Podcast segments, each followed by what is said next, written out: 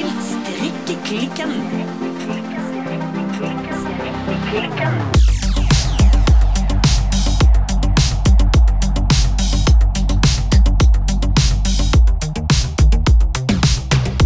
Hallo, Birte.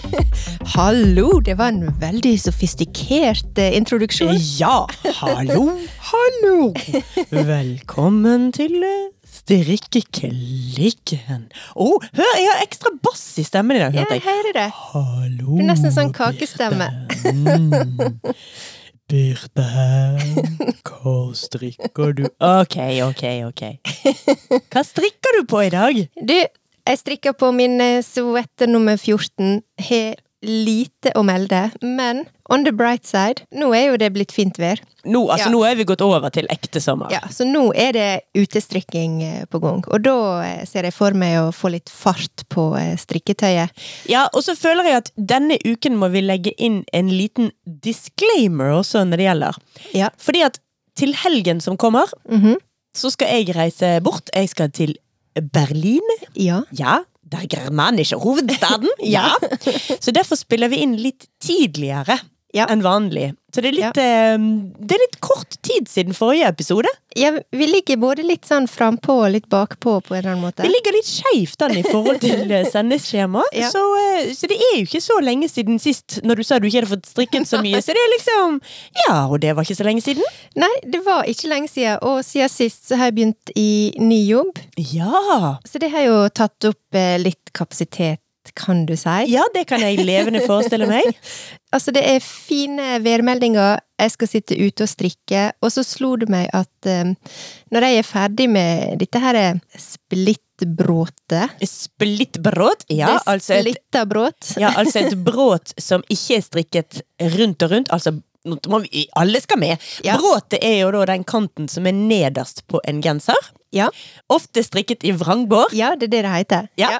En splittet sånn er jo da strikket som i en flapp foran og en flapp bak. Var det en dekkende beskrivelse? Ja, det blir det. Og så er dette, jeg veit ikke helt hva det heter. Det heter fortsatt vrangbår, men du strikker ikke liksom én rett og én vrang. Det er mer sånn fire rett og fire vrang, tror jeg. Sant? Du får, det er litt mer sånn Ja, litt mer sånn struktur på eh, bråtet. Ja.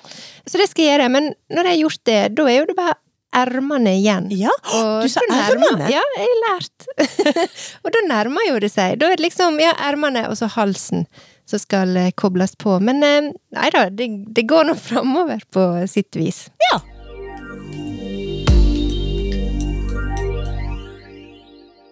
Men du da, Silje. Ja. Hva strikker du på i dag? Nei, jeg strikker fremdeles på min eh, Louvre-sweater, eller Louvre-genser. Ja. Nei, sa jeg det riff? Ja, jeg sa riktig nå, ja. Nå Ja. begynte jeg å bli redd om, om jeg sa feil igjen. Men det, var, det er ikke Louisiana-genser, det Nei. er Louvre-genser.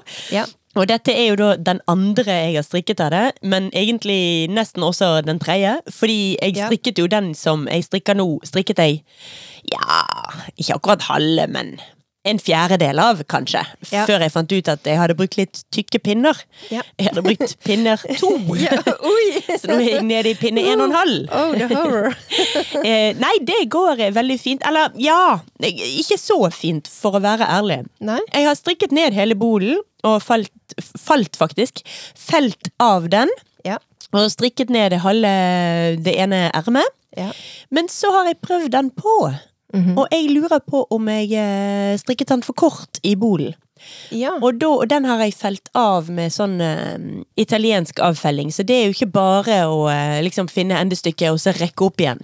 Nei. Så da må jeg i verste fall så må jeg liksom hente frem saksen og klippe litt og rekke litt opp og pit, pitle litt og hente Ja. opp igjen. Så det kan være jeg må gjøre det.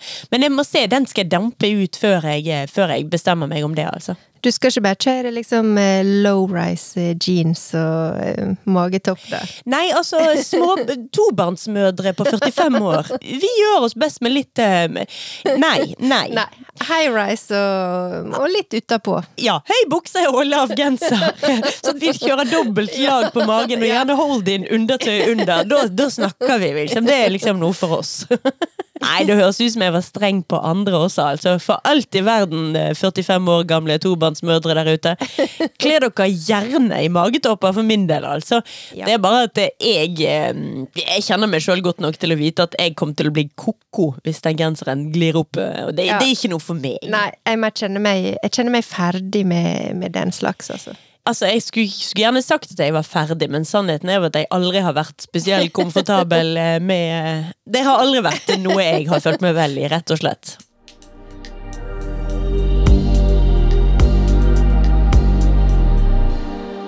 Men eh, Silje, Ja. Du nevnte Berlin. Ja. Ja, hva skjer? Jeg, altså, jeg skal rett og slett på eh, jentetur. Ja. Meg og min datter. Ja. Vi skal til Berlin. Vi skal eh, kjøpe sminke. Ja, vi, skal se på, uh, vi skal se på kunst. Vi skal se på eh, triste andre verdenskrig-minnesmerker og museer. Vi skal på kafé. Vi skal bo på hotell. Vi skal rett og slett på skikkelig jentetur. Og det gleder jeg meg enormt mye til. Så gøy. Og som om ikke det var nok, så var vi faktisk eh, ikke bare meg og hun, da, da var vi hele familiegjengen. Var på tur nå i helgen som var også. Ja. Da var vi i Rosendal. Ja. I vakre, vakre, vakre, vakre Ja. Rosendal. Grunnen til at jeg sa det på den måten, er jo at vi vet alle at Vestlandet er vakkert. Ja. Og så vet vi alle at Hardanger er et av de vakreste stedene på Vestlandet. Ja. Og så kommer liksom Rosendal, som rosinen i rosinen i rosin... Nei, pølsa, et eller annet. Eh, Ja, Som noe i den duren der. i rosa. Noe, et eller annet. Ja. I hvert fall innerste juvel, altså. Ja. Dæven, det er fint inni der. Og nå traff vi på med så sånn umf, nydelig vær og Ja. Så nei, jeg vil gjerne bare slenge ut litt eh, gratisreklame for uh, å ta seg en tur til Rosendal, til baroniet der. Ja. Det er jo ikke så mange baronier uh, Norge har. Ikke Nei. egentlig det i Rosendal er kanskje det eneste? Jeg vet ikke. Du må ikke spørre meg, men jeg, jeg har hørt og lest om eh, baroniet i Rosendal. Jeg mm. tenkte at det kunne være fin sånn eh, dagsturutflukt. Er ikke det veldig fin hage der og sånn? Nydelig hage. Det er jo litt sånn alt etter som hvordan slags eh, planter man foretrekker. For de har en veldig fin rosehage. Den blomstrer ikke akkurat nå, men Nei. det er også helt sinnssykt masse fantastiske trær, som alle sammen hadde en eh, pollineringsfest når vi var der. Så der sto vi bare og delte ut syrtekke og koste oss. Og en kjempefin urtehage. Veldig fin, eh, altså en liten kafé, ikke akkurat restaurant, inne på baroniet også. Hvor de eh, lager all maten Eller ikke all. Jo, de lager den jo der, men eh, Ja. ingrediensene eh, Der kommer veldig mye fra egen urtehage. Og eh, de fisker nok ikke fisken sjøl, og jeg skal ikke si at alt sammen kommer fra egen hage, altså. Men eh, Nei, nei, men det er litt eh, lokalt fokus, da. ja, veldig. Veldig lokalt fokus. Og vi hadde bestilt på forhånd, for vi var ganske mange. Vi var vel ti stykker.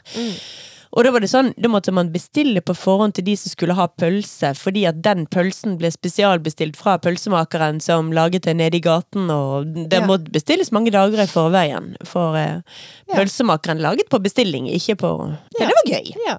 Så Baroniet i Rosendal anbefales. Det går også eh, båt direkte fra Bergen for de som befinner seg på denne delen av landet. Oi. Ja ja, kan du bare ta en båt, og den eh, Jeg er ikke 100 sikker på hvor den legger til i Rosendal, faktisk. Nei. Men den legger jo sikkert til i nærheten av sentrum, og da er det en Ja. liten spasertur opp til Baroniet. Så eh, det tviler jeg på at er noe stort problem. Så det er gøy.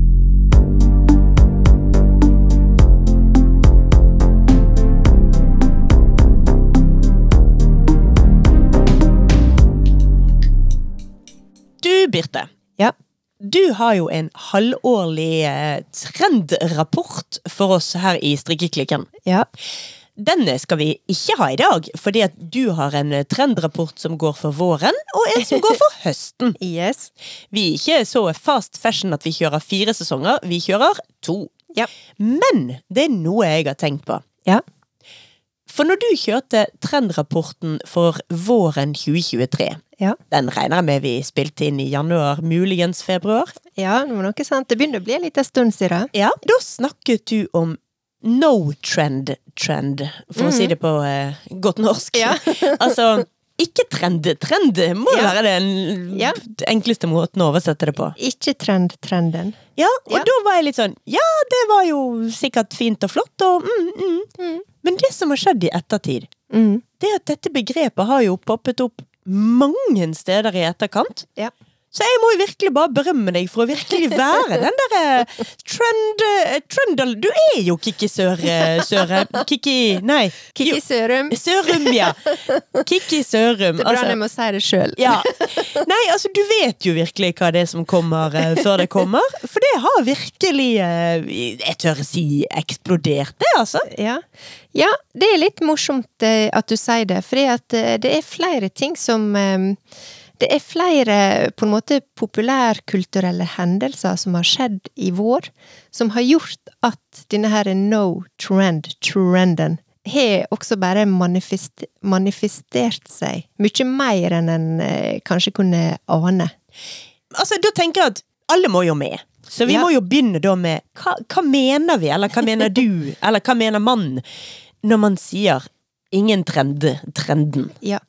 Nei, det det handler om, sånn, for å ta det liksom helt ned, det er jo fokus på det tidløse. eh, og du kan jo kanskje si at eh, ikke så veldig overraskende at det har kommet en sånn no trend trend, litt sånn i etterkant av eh, postpandemiens eh, liksom glitter og glamour og farger og knæsj, når vi skulle liksom gå ut igjen. Ja. Og vi skulle på fest, og vi skulle danse, og det var liksom ikke voldsomt hvor vi skulle liksom pynte oss eh, etter all denne her innetida. Mm. Men også eh, legger glitteret seg litt, for å si det sånn. Og så er jo det hverdagen igjen, på en eller annen måte, da. Og da er jo denne her no-trenden eh, et mye mer sånn basic og klassisk og tidløst eh, uttrykk. Så det er jo rett og slett eh, det det handler om.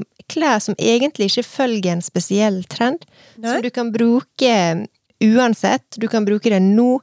Du kunne bruke det for fem år siden, ti år siden. Du kan bruke det om fem år, om ti år. Og det er litt av poenget at ja, tidløst og klassisk. Mm. Ja, så hvis vi konkretiserer det litt, da. Ja. Da er vi på liksom ganske plaine bukser, hvit skjorte, nøytrale, men gode joggesko. Er, det, er, er vi der? Ja, der også, men det er også litt sånn type Altså, tenk liksom dressjakke, tenk den hvite skjorta. Men vi er fremdeles på for kvinner, eller? Ja. ja jeg Litt sånn, eh, litt sånn ubevisst så tar jeg litt sånn utgangspunkt i, i den kvinnelige moteverdenen. Eh, Ja. Det gjør jeg. Det er litt fordi at eh, det er det jeg forholder meg til, og jeg tror at de fleste av lytterne våre er kvinner også. Ja, men vi har noen gode mannlige Ja lyttere der ute også, men de kan få lov å være med på trend alerten, de òg. Ja, men det som er litt uh, morsomt med denne her no trend-trenden, er jo at eh, disse klassiske plaggene gjelder jo for alle kjønn.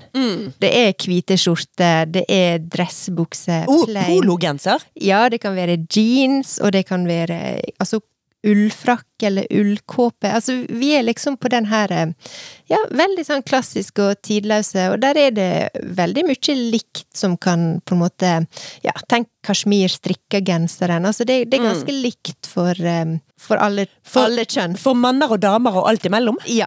Og siden jeg er meg, så må jeg jo da spørre også om fargene i dette. Ja. Igjen, klassisk. Det er jo, eh, hvis du tenker på Jeg føler jo litt eh, Skal ikke liksom eh, claime denne her å være litt sånn pre-trendy, men jeg føler jo denne her no trend-trenden, den passer jo veldig godt for meg, for eksempel. Det er jo derfor jeg liker den så godt også, fordi at eh, for eksempel fargespekteret er jo det du vil se i min garderobe, for eksempel. Det er liksom svart og hvitt og grått og mørkeblått, kanskje. Og hvis du skal være litt crazy, så går du på en kamelhårsfarget kamelhårsfargete Altså, kamelfarget Ja. heter det vel. Noe sant. Jeg har noen litt sånn lyserosa plagg som jeg kan like. Også, You crazy Ja. mama! Helt crazy. Og så er jo det alltid sånn hvis jeg snakker, Vi snakker litt om kapselgarderobe også når vi snakker om denne her no trend-trenden. Og der handler det også litt om å ha alle disse basic, eh, både plagga, men også fargene. Og så skal du liksom toppe det med litt sånn splash av farger eller mønster. Ha liksom noen sånn statement pieces eh, som liksom bare topper det hele. Ja. Sånn at dette er jo veldig logisk når det gjelder interiørting. Altså, du bytter jo ikke badet ditt etter en trend. Så det er jo veldig viktig å ha det. Og selve baderomsveggene er det fornuftig å ha ganske nøytrale og kjedelige. Også hvis Ja. du vil virkelig følge med på trendmarkedet, Ja. så bytter du kanskje tannbørstfargen din. Den skal nå liksom byttes hver tredje måned anyways. Den kan heller bli sjokkrosa når vi er klar for det. Ja, men det er litt sånn eh, Hvis du tenker interiør også, da. Kanskje bytter du ut sofaputene dine i ny og ne. Jeg er ikke en person som gjør det, men jeg er litt sånn eh, liker å tenke liksom langsiktig og basic. Og så er det kanskje noen sånne småting, sånn som du sier, som er, føles litt mer naturlig, men kanskje også bærekraftig, og, og liksom leke seg litt, da. Og når du tenker klesgarderober, så, um, så er jeg også litt sånn, ja, men hvorfor skal vi liksom drive og bytte ut den hele tida? Det er jo heller ikke noe poeng. Og min påstand der er jo at eh, nå er vi alle forskjellige, altså, og eh, jeg og du er forskjellige, men eh, min påstand ut ifra mitt personlige ståsted, det er jo at jeg vet for eksempel at jeg blir fortere lei av for eksempel farger og mønster og sånn. Derfor så foretrekker jeg en mer sånn eh, delikat eller roligere palett, for eksempel, da. Men her er vi forskjellige. Ja. Jeg får litt sånn, du vet jeg hører jo så enormt mye på NRK, og der er det Ja. forbudt å si sånne ting som no trend trend. Der ville jo det vært ikke trend, nei, ikke mote-mota. Ja, Ja. ja. Så det liksom, jeg kjenner at det skurrer litt i meg nå, når vi skal snakke så, med så utrolig mange engelske begreper. Ja. Men den er ikke trend-trender da. Ja. Du nevner at du tror um, at den kommer litt som en motreaksjon på motreaksjonen etter pandemien. Ja. og det har vi jo snakket om mange ganger, at eh, trender har en tendens til å være en eneste stor fest av eh, motreaksjoner. Ja. Men er dette kanskje litt sånn motreaksjon mot denne Barbiecore-saken? Ja, du kan i hvert fall eh, si at eh, om ikke det er en liksom, motreaksjon, så er det i hvert fall et alternativ som er veldig annerledes. Ja. Så du vil alltid ha sånne paralleller som eh, kan være ganske eh, paradoksale og motstridende, sånn at um, du kan liksom velge å håper jeg, bytte litt, og sånn at det skal være noe for alle. Det er klart, denne her no trend-trenden, den er ikke for alle nødvendigvis. På samme måte som Barbiecore ikke er det heller.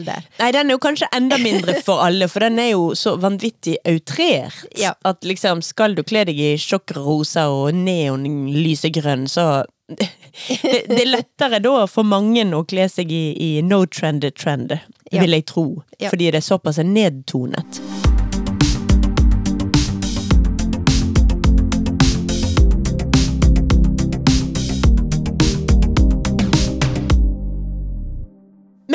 Tenker du at er Altså, hvorfor nå? Det begynner nå å bli en stund siden pandemien og alt dette her. Ja. Hva er det som har skjedd i vår som gjør at denne no trend-trenden har blitt så aktuell? Ja, jeg vil si der er to ting okay. spesielt som har skjedd etter at vi snakka om denne her no trend-trenden i denne her trendrapporten da tidligere i vinter. Ja, Da må jeg jo bare skyte inn at uh, nye lyttere må gjerne gå og høre på den, men jeg tror ikke vi skal si så mye i dag som gjør at du må høre på den. Jeg tror du skal få lov til å være med herfra og framover hvis det var nå du begynte, liksom. Ja. Men en ting som skjedde, da, det var eh, Fikk du med deg at uh, Gwyneth Paltrow hun var i en rettssak? Ja! Ja. Fordi hun var blitt påkjørt bakfra i en skibakke, eller motsatt. Enten Ja. var hun blitt påkjørt, eller så hadde hun kjørt på. Men det var i hvert fall Ja. en ski. En skikrasj. Skiulykke. Ja, men ingen var veldig skadet, så vidt jeg forsto. Nei, eh, dette her ble vel eh, ei sak mest på grunn av at det var i hvert fall én kjendis eh, involvert. Ja, altså mitt vage inntrykk av rettssaken var vel at det endte vel opp med at han som hadde saksøkt henne, mistet vel egentlig all ære som en litt sånn eh, hm, Han hadde lyst til å komme på TV, og det klarte han, men han klarte dessverre ikke å gjøre det med æren i behold. Nei. Det var, det var vel litt sånn, og jeg tror vel eh, Gwyneth ble eh, frikjent, eh, så vidt jeg har lest. Poenget er at det var jo ikke liksom Det var jo ikke saka rettssaka handla om. For det denne rettssaka egentlig begynte å handle om, det var jo antrekka som Gwyneth troppa opp i hver dag i rettssaka. Aha! Eh. Og la meg gjette, hun var ikke ikledd Barbiecore. Det var ikke Vi er ikke på Barbiecore-trenden nå, nei. For det som hun eh, troppa opp i, det er jo litt sånn morsomt, fordi at her er jo hun en litt sånn i sivil. Gwyneth Paltrow. Ja. Oh, oh, en ekte, en, en, en hudløs og naken og naturlig Gwyneth Paltrow. Ja. Ja, nå er jeg spent. Altså, ikke på rød løper, um, og ikke liksom i sånn intervju, TV-intervju-setting. Her var jo hun som en eh, privat eh, og selvfølgelig vil jo du sikkert framstå på en måte ærlig og redelig i, eh, i en sånn eh, situasjon. ja, du børster håret ditt før du dukker opp i retten, altså. Men her, her var hun liksom litt sånn på hverdagen. Litt sånn eh, Og det hun troppa opp i, det var jo veldig mye Altså kasjmir, strikkegensere, strikkesett med skjørt, og i veldig sånn Så utrolig sånn stilrent snitt. Eh, så du, du liksom bare Det oser kvalitet, men mest av alt så det oser penger. Ja. Eh, men For uten logo. eksklusivitet. Ja. Det oste penger og eksklusivitet, og dette gjorde at eh, du nesten fikk et litt sånt Det var nesten ikke no trend-trend engang. Det ble en sånn herre The rich kids eh, non-trend-trend. Altså, du er så rik, og du oser så mye penger i form av et antrekk som er bare helt ensfarga, ingen logo, ingen eh, utstående detaljer.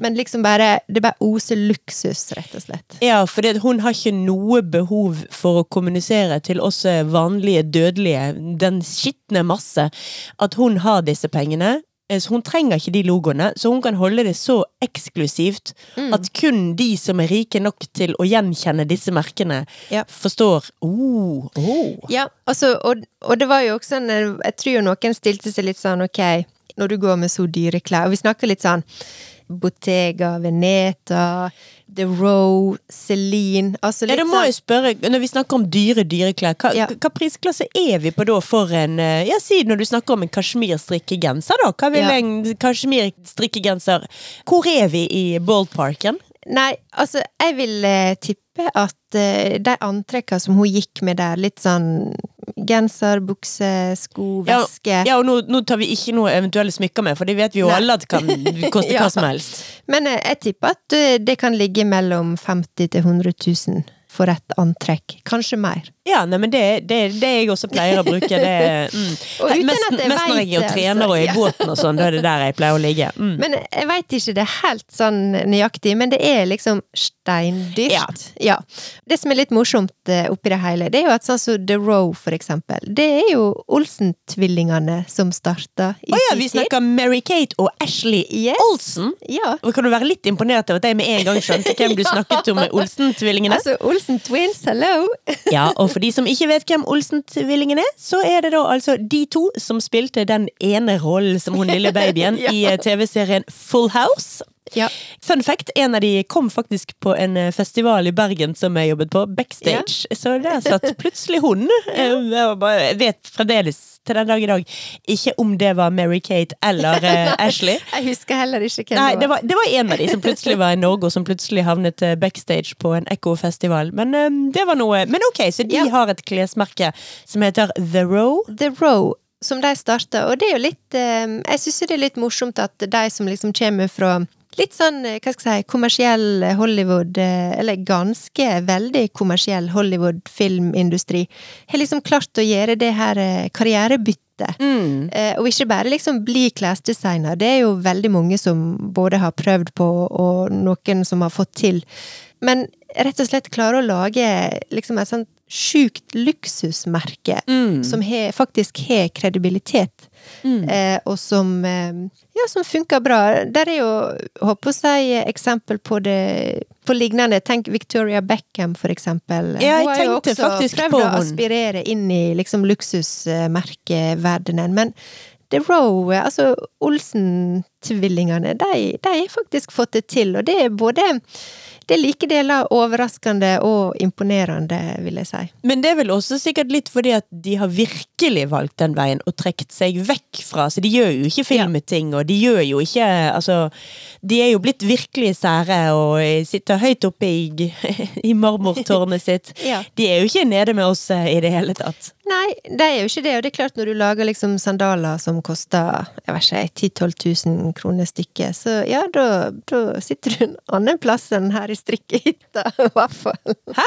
Snakk for deg sjøl, se på ned på mine bein. Du, jeg har på meg sånne dyre sandaler i dag òg.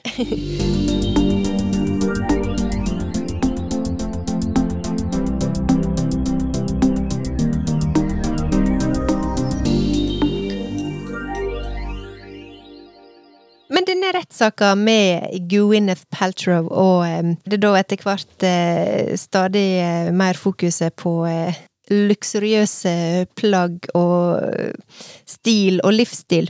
Dette ble jo liksom forløperen til eh, siste sesong av eh, Succession. Oh, er vi der, ja? Ja, fordi at det har jo også i vår blitt skrevet veldig mye om stilen til Succession. Ja, klærne de har på seg. Selvfølgelig Ja. også bilene og leilighetene og alt sånt.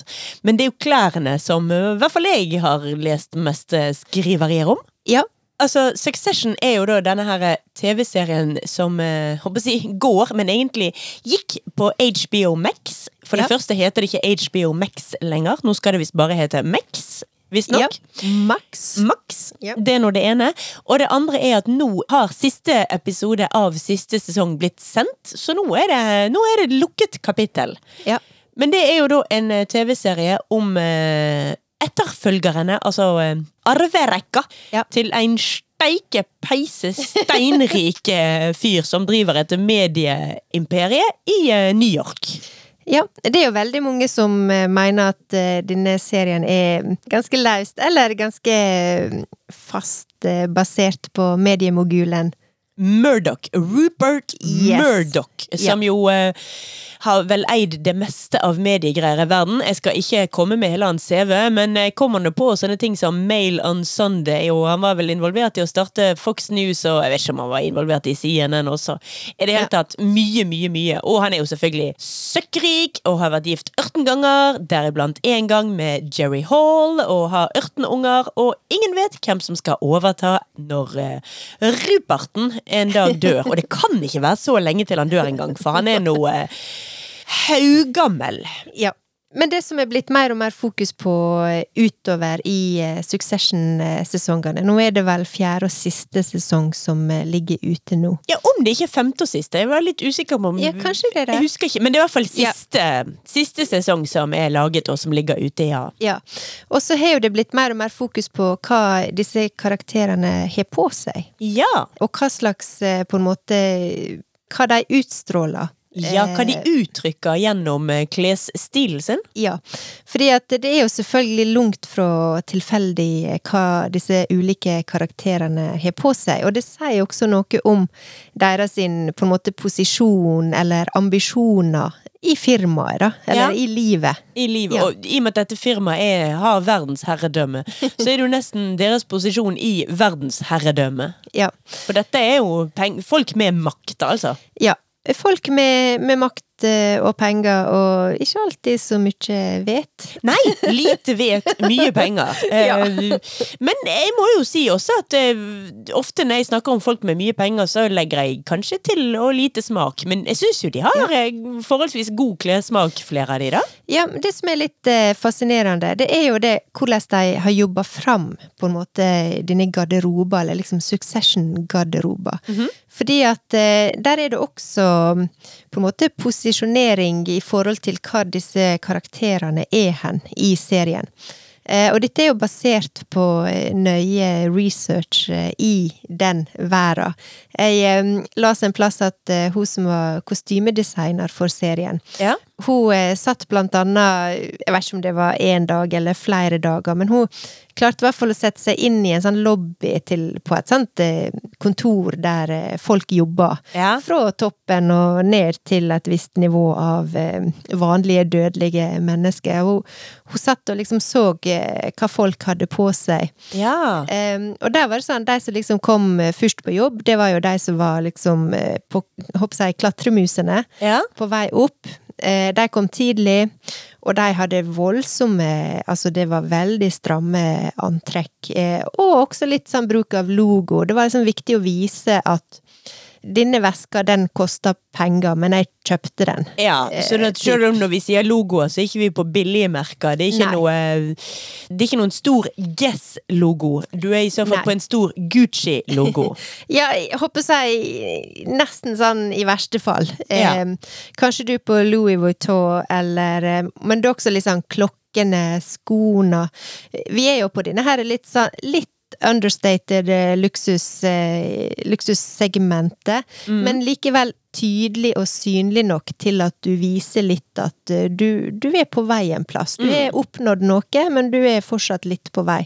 Ja. Og så fortalte jo hun her eh, kostymedesigneren at eh, eh, Litt sånn i ni-ti-tida så kom liksom eh, sjefene, og de hadde en mye mer avslappa stil. Mm. Fordi at de hadde ingenting å bevise. Nei! Og de var gjerne litt mer sånn Litt mer tilfeldig. Absolutt ingen logoer. Eh, håret var kanskje litt mer rufsete. Sminken var, eh, håper jeg, bra, men kanskje ikke liksom overdone.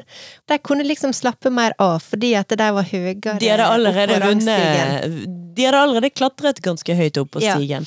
Og dette kan jo du se i Succession, da. Ja. Altså, jeg håper å si far sjøl. Han er jo en av de som går eh, mest eh, avslappa. Ja, og da snakker vi altså om Logan Roy, Ja. som er gamlekaren. Eh, Patriarken. selveste patriarken. Ja, og når du sier det, så kan du se det faktisk allerede i introen. Ja. Som jo har denne veldig flotte musikken og disse barna som plutselig rir på en elefant. Veldig gøy. Ja. Men der er det en shot helt på slutten der hvor han, eh, de, han er filmet først som en yngre mann. Fra ryggen av, og du ser Ja. at han sitter og leder et styremøte. Og jeg tror, hvis det ikke tar helt feil, at når han er en yngre mann, så har han på seg dress. Men når Ja. de klipper til at han er en eldre mann som sitter og leder det samme styremøtet, Ja. da har han på seg strikkegenser. Eller strikkejakke, Ja. ikke strikkegenser, men en cardigan. En strikkecardigan. Og for å si det sånn, den kardiganen cardiganen er, den er nok ikke billig. Nei? Um, og det er jo litt sånn Han har jo en sånn eh, Loro piano um, Piano eh, caps i ull, som jeg tror koster sånn 3000-4000 kroner per stykk. Altså og klokkene Altså, det er, jo, det er jo dyrt for all del, men det har et mye mer sånn avslappa uttrykk. Da. Ja, men når du sier det, selvfølgelig. Du har aldri sett uh, cousin Greg komme på kontoret der med strikkejakke eller ullue. Nei, for han skal Han er egentlig langt nede på denne eh, klatrestigen, så han, han må kle seg penere. Han, han har mye å bevise, Ja. for å si det sånn. Ja, han har veldig mye å bevise, da, for han er jo totalt uh, tustete. Men det er Altså, jeg flirer, han flirer jeg så mye av. Det Ja. Ja, nei, cousin Greg Cousin Greg For en, for en mann. Og, men så ser du på disse andre, andre karakterene, da, at eh, eldstesønnen Kendal, Kendall, for eksempel, han prøver jo å kjøre en litt sånn alternativ stil. Ja, altså Ish. helt når, når eh, serien begynner Så begynner jo den med at han egentlig vil være en hiphop-mogul Den hviteste, rikeste mannen av de alle Har egentlig lyst til å eh, bli den nye JC liksom det, Ja. det faller jo raskt igjennom Men Ja. så eh, strammer han seg jo opp Og bestemmer seg for å gå corporate Og hva skjer, med stilen hans da? Nei, så han strammer jo seg opp, men uh, han er jeg vil si det er fortsatt litt sånn opprør i det. Og han har jo litt denne her eh, praktiske, litt sånn tech-looken også. Det er litt sånn boblevest, eh, det kan være joggesko. Altså, det er liksom litt den her eh, Altså, jeg håper jeg, vi må ikke bli lurt, det er dritdyrt, det også.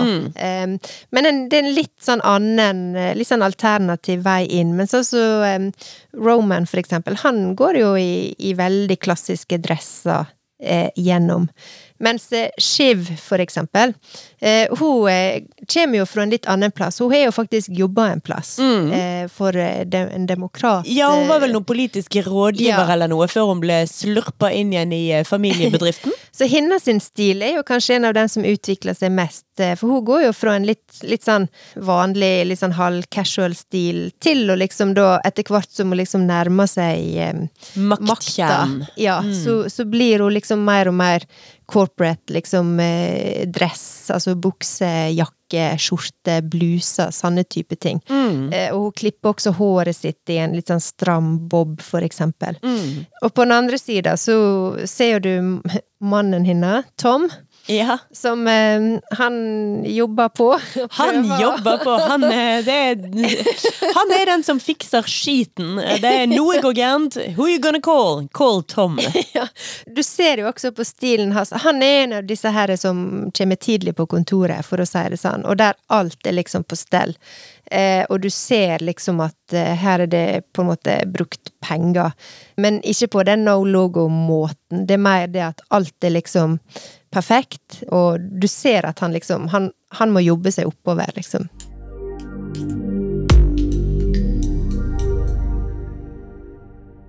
Men det er jo én karakter til i eh, TV-serien Succession vi må nevne. Ja. Og det er jo selvfølgelig Alexander Skarsgård. Ja.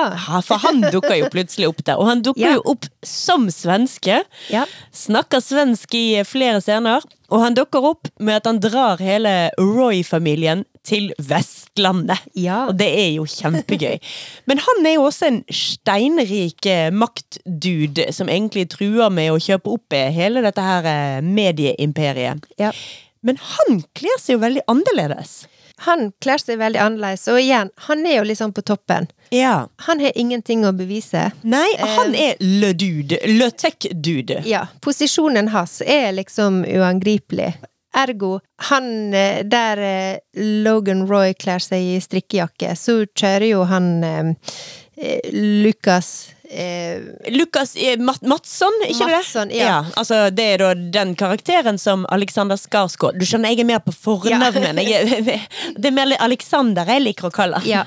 Nei, men altså, han kjører jo kanskje Jeg føler han kjører litt mer den her eh, stilen som kanskje Kendal skulle ønske han kunne kjøre. Men han kjører jo full on norrøne bukser og er vir virkelig fri i formen, mener jeg. Ja, og, men også liksom bare joggedress, liksom, og loungewear, hvis du, for å bruke det norske Ja, det, altså Ikke at jeg på noen måte mistenker at hans hettegensere er kjøpt på Hennes og Maurits, men det er hettegensere åkke som, og det Ja. kommer han med i disse her eh, corporate meetings. Ja, du kan si at uh, hans i garderobe speiler nok både Altså posisjonen hans, som en som bare kan gi F i hva han har på seg, for han har ingenting å bevise. Men han er jo en mye yngre generasjon enn Logan Roy, så du ser det er akkurat som at du ser liksom flere generasjoner av en posisjon, da, og, en, og garderobe deretter. Men så skal du nok eh, heller ikke se vekk ifra at eh, en har spilt også mye på at han er fra Sverige eller fra Skandinavia.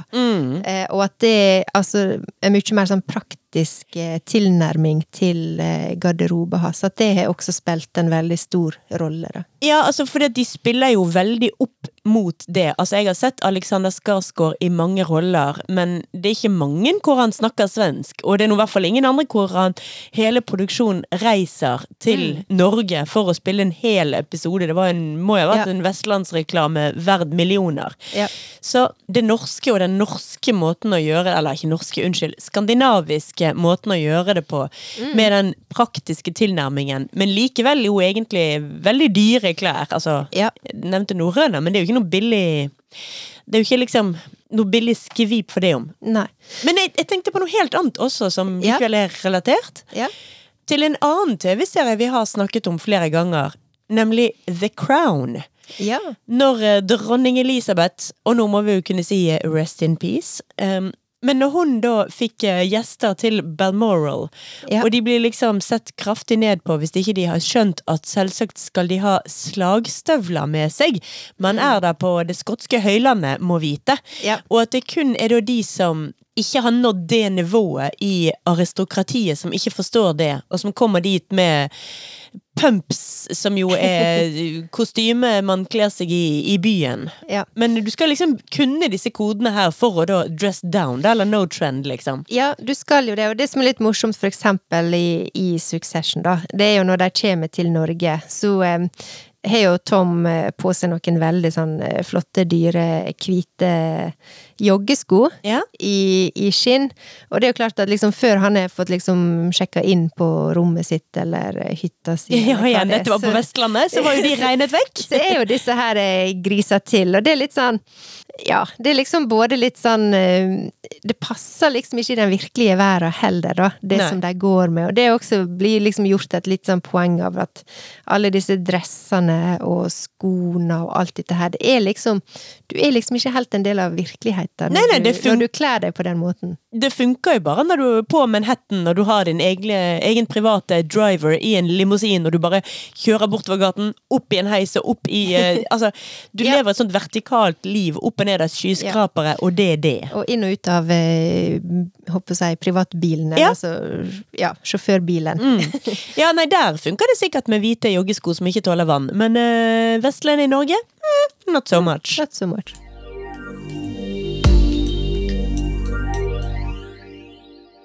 Men jeg hadde lyst, eh, når vi skulle snakke litt mer om denne her eh, non-trend, trenden, og vi kom jo litt inn på eh, Skandinavia nå, via Alexander Skarsgård i Succession. Ja.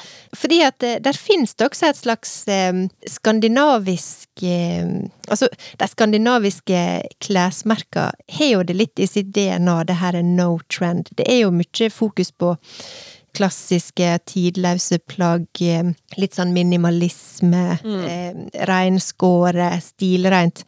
Men jeg hadde lyst Det er et merke som jeg hadde lyst å trekke fram, som kanskje er et litt sånn skandinavisk alternativ, og et av de førende merker, vil jeg si, helt generelt, i denne her non-trend-trenden, som heller ikke er jeg skal ikke si det er billig, det er ganske dyrt, men det er ganske langt ifra The Row-priser, for å si det på den måten. Og det er rett og slett eh, Elin Kling sitt eh, Totem-merke. Totem! Ja, Det må du fortelle mer om. det skal jeg fortelle mer om. For det Elin Kling, for å ta hun først, hun var en moteblogger Mhm. som begynte i 2007. Ja. Og på to dager så tror jeg hun ble den mest leste motebloggen i Sverige. Hun gjorde liksom bare sånn rakettkarriere. Ok, for hun er svensk? Ja, hun er svensk, som moteblogger. Og hun ble liksom mest lest på rekordtid. Men det var også veldig tydelig at hun hadde ambisjoner. Hun skulle ikke bare være en eh, moteblogger. Så hun er jo også en slags eh, seriegründer. Hun ble stylist på det svenske Skal vi danse-programmet. Hun gjorde liksom karriere. Bygde seg opp stein for stein. Hun starta et magasin magasin -hmm. som het Style By. Og så, i 2014, så starta hun klesmerket Totem, da sammen med sin mann. Ja. Og det som var litt sånn morsomt, jeg prøver å finne liksom ut nå hvem som liksom er Hvem er det som er designer? Men mitt inntrykk er at hun er liksom Hun er den eh, kreative sjefen mm. i merket, og Totem har liksom de siste åra fått en utrolig stor eh, følgerskare, og blitt denne her Ja, denne her litt sånn skandinaviske, stilreine, minimalistiske, litt sånn no trend-merke. Ja, så hva er vi på nå? da? Er vi på eh, skjorter og bluser og cardigans for både damer og menn? Ikke for menn. Nei, kun damer. Det jeg syns er interessant med Totem, det er at hun har med seg veldig denne her eh, no trend-ideen i klærne som hun lager, og det har hun gjort alltid. Mm. Sånn at uh, der er for eksempel trenchcoats, og der går det igjen. Det er Mm. det samme. Hun lagde noe som heter sånn signature trenchcoat for lurer på om det var 2018 den kom første gangen, men Mm. den har liksom bare blitt repetert. Igjen og igjen. Og sånn er det med veldig mange av eh, plagga og kategoriene som hun lager, da. Det kommer liksom igjen og igjen. Eh, det samme. Kanskje i en ny farge. Altså, det utvikler seg litt. Men det har slått meg at hun har en utrolig ja, veldig sånn bærekraftig fokus på designet, på trender. Og hun har liksom gjort det på en veldig eh, troverdig måte, litt sånn fra dag én. Ja.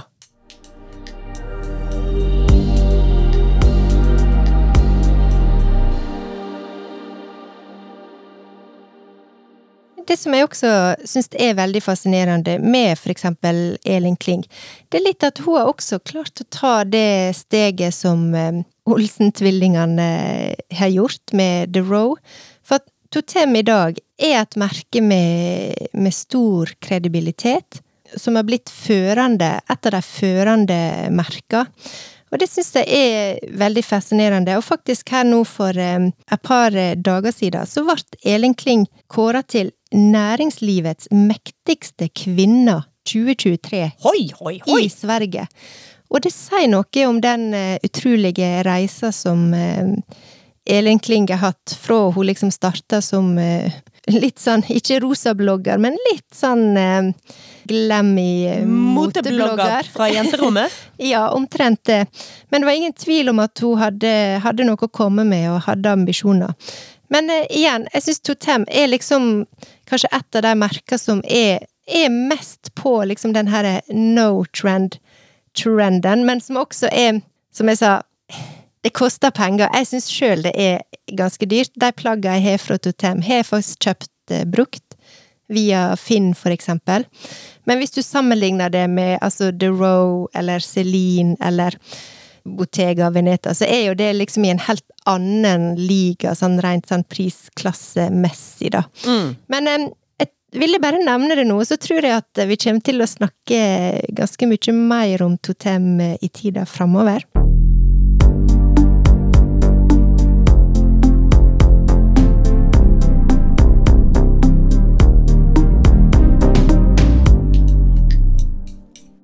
Men Birte, Ja.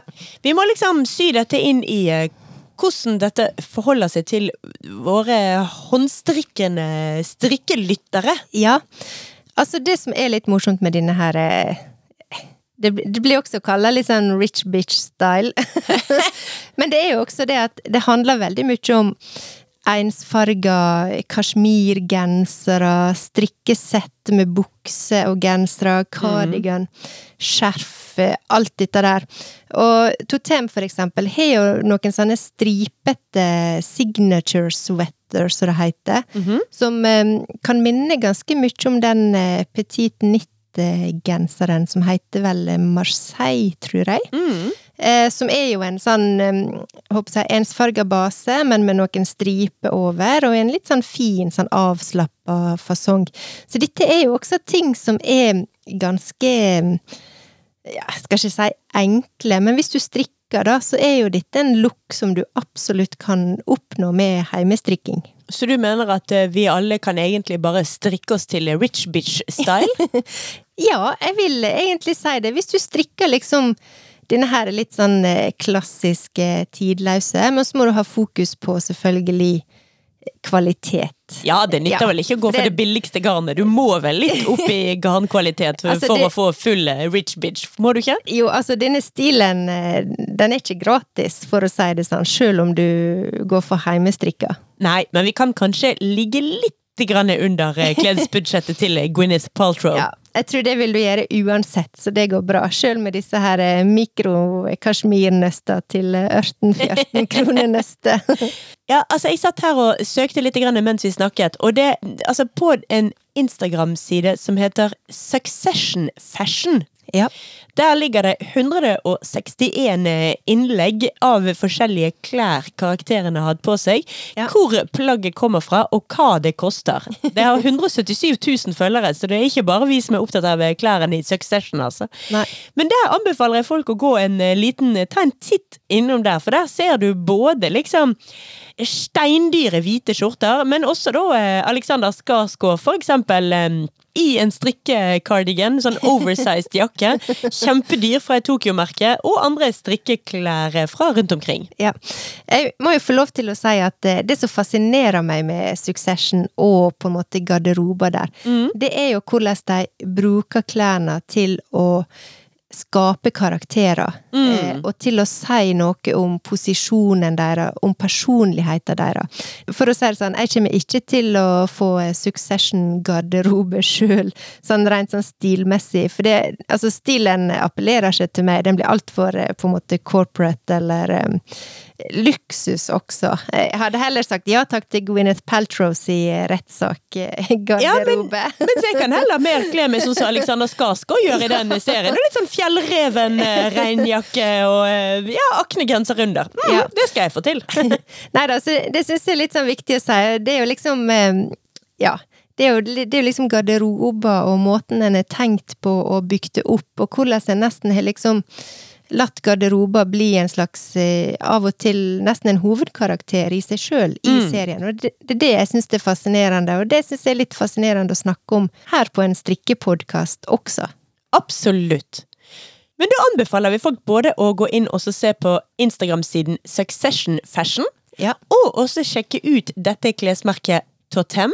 Yes. Og så, om man ikke har råd til å kjøpe noe derfra, eller ikke har lyst til å kjøpe noe derfra, så kan man jo likevel la oss inspirere både av snitt og farger, og ta det med seg inn i ens egen klesproduksjon. For det er jo veldig mange av de som hører på Strikkeklikken, driver jo nettopp med det. Med Ja. klesproduksjon. Ja. Og da er det jo veldig gøy å hente inspirasjon fra, ja, også fra de rikeste av de rike. Yes.